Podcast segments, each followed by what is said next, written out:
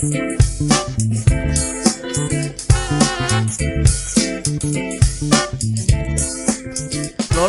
Podcast episode ke-10 bersama FJ di sini. Halo semuanya, apa kabar? Semoga selalu sehat-sehat dan bahagia ya. Episode 10, we made it guys. Oke, hari ini tanggal 17 Oktober 2021 waktu podcast ini direkam. Kayaknya bakal aku upload Senin sore karena I know you guys maybe have a bad Monday. So so I will healing your day with another destruction of course. Tapi uh, anyway, kalian tahu nggak sih teman-teman bahwa 2021 ini sudah jalan 80% alias 20% lagi kita akan masuk ke tahun 2022 gila nggak kerasa ya. Padahal baru kemarin kayaknya JKT48 itu restrukturisasi, baru kemarin itu Aizuan itu disbandment, baru kemarin kasus COVID naik lagi, terus sekarang kita semua udah vaksin. Makin cepet aja gitu waktunya gitu. Apalagi untuk kita yang uh, punya rutinitas setiap hari itu sama gitu. Kayak time become meaningless gitu nggak ada artinya gitu. Mau kiamat kayaknya memang ya. Tapi kita nggak mau bahas kiamat apalagi Aizwan apalagi JKT48 karena kita akan bahas Bandara Kertajati. Jadi kemarin hari Sabtu aku main ke Bandara Kertajati BIJB atau dalam bahasa Inggrisnya itu Kertajati West Java International Airport. Main aja gitu gabut karena kan uh, kurang lebih satu jam doang dari Cirebon kalau naik motor. Ya sekalian mau lihat progres bandaranya itu dan maybe mungkin nanti bakal ketemu pesawat di sana di bandara tapi ternyata enggak ada I hope bakal ketemu sama pesawat yang lagi perbaikan atau lain sebagainya ternyata enggak unfortunately nggak ketemu masih kosong dan sepi lebih sepi dari chat WhatsAppku. Uh, anyway, uh, ke sana itu bulan Juni pertama kali, Juni kemarin. Uh, karena dikabarin temen kan waktu itu ada banyak pesawat Lion Air katanya lagi pada parkir di sana. Tapi uh, ternyata nggak ada juga kosong waktu itu. Waktu itu aku sana hari Minggu dan yang kedua ini kemarin Sabtu. Kenapa sih tertarik ke sana? Karena ya pengen aja gitu lihat pesawat kan uh, buat aku pribadi aku jarang lihat pesawat dan juga jarang ke bandara pengen tahu aja bandara itu seperti apa dunia penerbangan itu seperti apa dan nggak jauh-jauh juga ini kan baru cuma satu jam dari kota asal gitu sebelum masuk ke main question kapan bandara ini beroperasi kita akan bahas dari awal dulu deh tentang bandara Kertajati ini. Dan kenapa dan kenapa kapan beroperasi lagi? Emang dia nggak beroperasi gitu. Mungkin teman-teman ada yang tanya gitu ya. Kita akan coba bedah deh dari awal. Jadi uh, Kertajati West Java International Airport adalah sebuah bandara internasional yang berlokasi di Kertajati Majalengka itu diresmikan tanggal 24 Mei 2018 oleh Bapak Presiden Joko Widodo dan pesawat pertama yang mendarat di Bandara Kertajati adalah uh, pesawat kepresidenan Republik Indonesia. Dan setelah itu mulai melayani penumpang mulai tahun awal tahun 2019. Uh, bandara ini mulai dibangun tahun 2013 dan anggarannya itu pakai eh, APBN dan juga APBD dan senilai 4,9 triliun and still counting karena nantinya bakal dikembangkan lagi kan bandaranya. Sekarang masih tahap 1. Nantinya kan Bandara Kertajati ini akan dikembangkan lagi di tahap 2 dan tahap 3. Lumayan banyak juga sebenarnya uang-uang orang Jawa Barat ya yang dimanfaatkan. Sorry bukan dimanfaatkan, mungkin lebih ke dialokasikan uh, untuk pembangunan bandara ini. Kalau misalkan kita uh, bandingkan atau kita komparasikan sama bandara NYIA, NYIA, New Yogyakarta International Airport uh, dananya untuk bandara Yogyakarta itu 9 triliun. Ternyata masih banyak bandara Jogja ya. Tapi sekali lagi ini masih tahap pertama untuk Kertajati. Dan sebenarnya bandara ini sudah dicanangkan eh, akan dibangun itu tahun 2003 waktu masih pemerintahannya ibu kita tercinta yaitu Ibu Megawati Soekarno Putri karena ternyata uh, Bandara Hussein Sastra Negara yang di Bandung itu dari tahun 2003 itu sudah ada konflik, sudah ada perdebatan karena udah nggak bisa berkembang lagi. Karena uh, for your information teman-teman bandara Hussein itu terletaknya itu di tengah kota dan dikelilingi oleh pemukiman, jadi nggak bisa uh, berkembang lagi gitu. Rencananya mau dikembalikan lagi fungsinya jadi pangkalan militer TNI, TNI Angkatan Udara. Akhirnya diplot lah lokasi yang tepat yang strategis itu mana dan akhirnya Kertajati dipilih sebagai lokasinya. Karena kan agak di tengah Barat gitu ya teman-teman dan bisa menjangkau kota Cirebon, kota Kuningan, terus ada Sumedang, Subang, Purwakarta, Garut, Ciamis, Tasik, dan juga kota Majalengka itu sendiri. Akhirnya 2005 e, menetapkan izin lokasi, tapi baru dibangun itu tahun 2013. Jadi mangkrak nggak ngapa-ngapain selama tujuh tahun cukup lama juga ya kalau di YouTube itu ada video dua jam nggak ngapa-ngapain tujuh tahun kan nggak ngapa-ngapain tapi akhirnya mulai dibangun tahun 2013 ada pembebasan lahan dan lain sebagainya konstruksi sampai akhirnya bandara ini bisa beroperasi tahun 2018 Oke itu sedikit dari historis Bandara Kertajati Sekarang kita masuk ke spesifikasi Bandara Kertajati Sejauh ini bandara ini punya satu gedung terminal, satu gedung kargo dan juga satu runway. Buat teman-teman yang nggak tahu runway, runway itu landasan pacu tempat pesawatnya mendarat dan juga take off terbang. Di gedung terminalnya itu bisa muat eh, empat pesawat sekaligus untuk naik turun penumpang sejauh ini. Kalau kita ngeliat desainnya itu kalau kita googling ya, itu nantinya bakal ada 10 subterminal alias eh, uh, 10 pesawat bisa sekaligus muat naik turun penumpang. Dan sekarang itu perkiraan uh, penumpangnya bisa 5 juta per tahun. Bisa kapasitasnya bisa 5 juta per tahun nantinya diharapkan bisa 18 juta per tahun kapasitas Bandara Kertajati. Terus runway-nya itu panjangnya yang sekarang itu 3000 meter, 3 kilo dan lebarnya 60 meter rencananya bakal ada dua runway jadi yang 3000 meter sekarang ini nantinya akan dipanjangkan jadi 3500 meter 3,5 kilo dan juga akan dibuat satu lagi runway dengan panjang 3000 meter 3000 meter itu sudah bisa mendaratkan pesawat sekelas Boeing 747 atau Airbus A380 buat teman-teman yang nggak tahu Boeing dan Airbus itu adalah uh, produsen pesawat terbang dan mereka itu saling uh, saing-saingan kayak Grab Gojek gitu atau Toyota Honda gitu gitulah. Dan Boeing 747 atau Airbus A380 itu uh, punya empat mesin dua kiri dua kanan dan dia punya dua tingkat. Yang pasti atas sama bawahnya itu berbeda. Atas bisa buat eksekutif bawah bisnis atau maybe atasnya bisa buat first class yang bawahnya eksekutif gitu. Dan nggak sembarang maskapai teman-teman yang punya uh, armada Airbus A380 atau Boeing 747 cuman uh, dimiliki sama armada bintang 5 kayak misalkan Fly Emirates atau Etihad terus ada Lufthansa, Qantas, ada juga Malaysia Airlines, bahkan uh, Garuda Indonesia kita aja belum punya Airbus A380. Boeing 747 uh, Garuda Indonesia punya. Meskipun memang sangat disayangkan ya teman-teman karena covid ini nasib dari pesawat-pesawat besar kayak Airbus A380 atau Boeing 747 ini jadi digantung karena costnya itu besar pengeluarannya besar tapi demand penumpangnya sekarang lagi nggak cukup banyak kan karena covid juga. Terus juga banyak juga negara yang lockdown. Ya intinya kasihan lah gitu.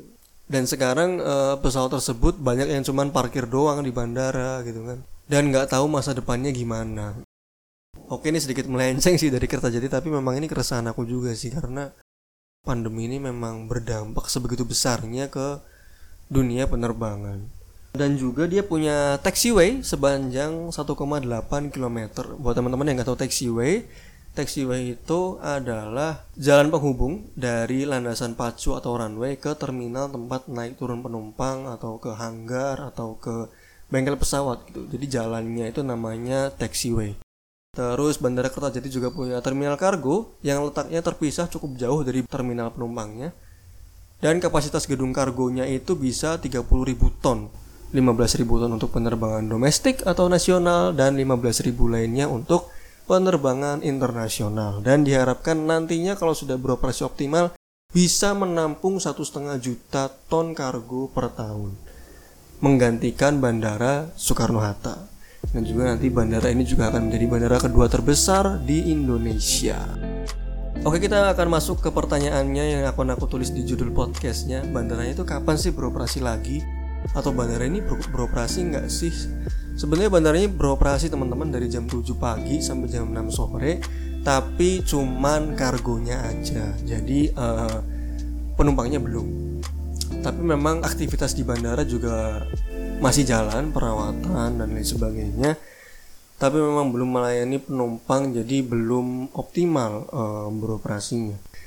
Sebenarnya waktu kemarin beroperasi sampai sebelum COVID ini menyerang uh, udah cukup banyak sebenarnya melayani penumpang dan juga kargo. Penumpang itu maskapai sudah ada dari Lion Air, ada dari Citylink, Air Asia dan lain sebagainya. Dan juga sudah pernah melayani penerbangan haji dan umroh pakai Garuda Indonesia.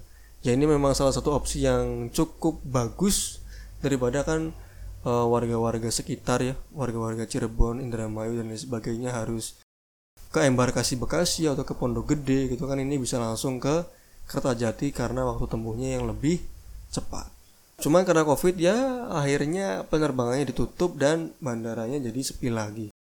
Waktu aku pertama kali ke sana itu hari Minggu yang bulan Juni itu sebenarnya ramai bandaranya teman-teman, tapi sama warga-warga sekitar aja yang ya sekedar tamasya dan refreshing mereka pada pakai kereta kelinci lah terus pada pakai mobil bak lah cuman main-main aja gitu. Jadi bandara yang sepi ini dimanfaatkan kesepiannya widih untuk warga sekitar uh, refreshing gitu. Nah kemarin waktu kemarin dari Sabtu aku ke sana itu sepi banget cuman ada karyawan bersih-bersih beberapa terus juga ada beberapa penjaga bandara ada juga uh, beberapa polisi militer uh, kios-kios kebanyakan pada tutup minimarket apa segala macam tapi memang beberapa ada juga yang buka tetap bertahan. Sebuah keberanian sih menurutku membuka kios padahal belum ada kegiatan penerbangan ya. Kegiatan penumpang gitu. Satu-satunya kegiatan kan cuman kargo ya dan juga cuman ke Batam pakai Garuda Indonesia dan jadwalnya juga nggak pasti karena biasanya itu diinfo dulu di uh, official Instagramnya Kertajati uh, Airport dan waktu kemarin ke sana itu tiket parkir masuknya itu 3000 buat motor 5000 buat mobil.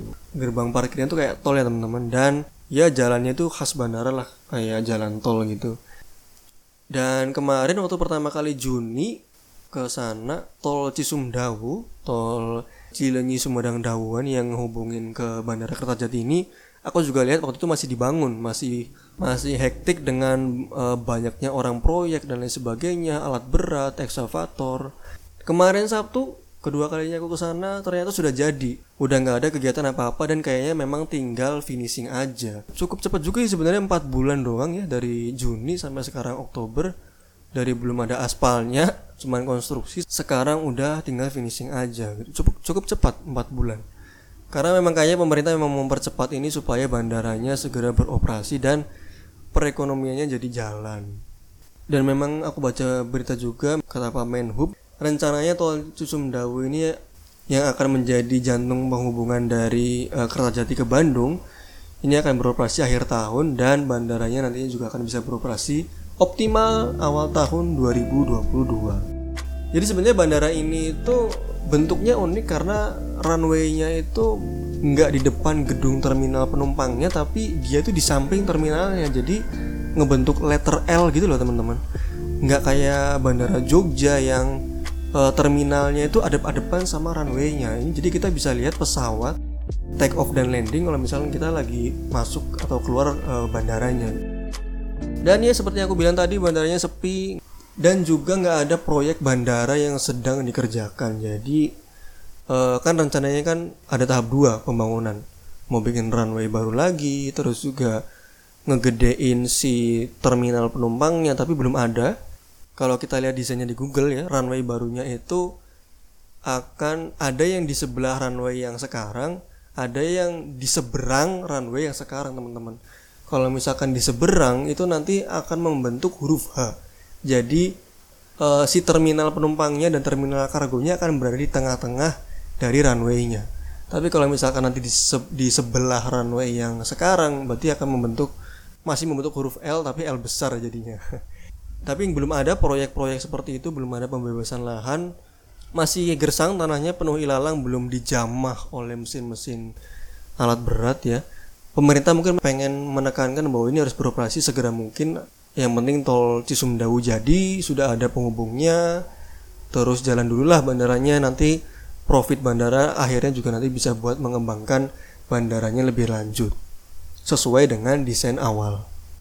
Entah ya uh, desain yang aku bilang tadi ya teman-teman yang entah itu H entah itu L besar nggak tahu tapi yang pasti memang uh, akan dikembangkan nantinya. Terus tadi kita udah bicara soal histori spesifikasi tol Cisumdawu penghubungnya. Terus juga ada jalan yang menghubungkan dari jalan nasional dari jalan nasional Cirebon Bandung. Ada kan jalan yang menghubungkan ke Bandara Kertajatinya kan karena bandaranya nggak literally di sebelah jalan nasional gitu. Jadi ada jalan arteri dan itu lagi dibangun juga lagi di beton-betonin segala macam gitu jadi waktu pertama kali ke sana Juni itu kan masih nggak muter-muter ya teman-teman masuk keluar bandara Nah yang kemarin Sabtu ini yang kedua kalinya ini muter-muter karena banyak pembangunan jalan dan juga di sekitaran bandara itu juga lagi pada dibangun hotel-hotel, SPBU dan juga ada yang juga cuman pembebasan lahan tapi nggak tahu untuk apa. Tapi yang pasti untuk menunjang perekonomian sekitar bandara Kertajati. Terus juga oh iya ada kawasan industri apa ya namanya ya? Coba sebentar. Di Google Maps.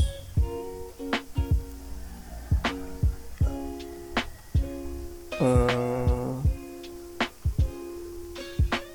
nggak uh, tahu nggak ada deh tapi kalau nggak salah itu Majalengka Industrial Park.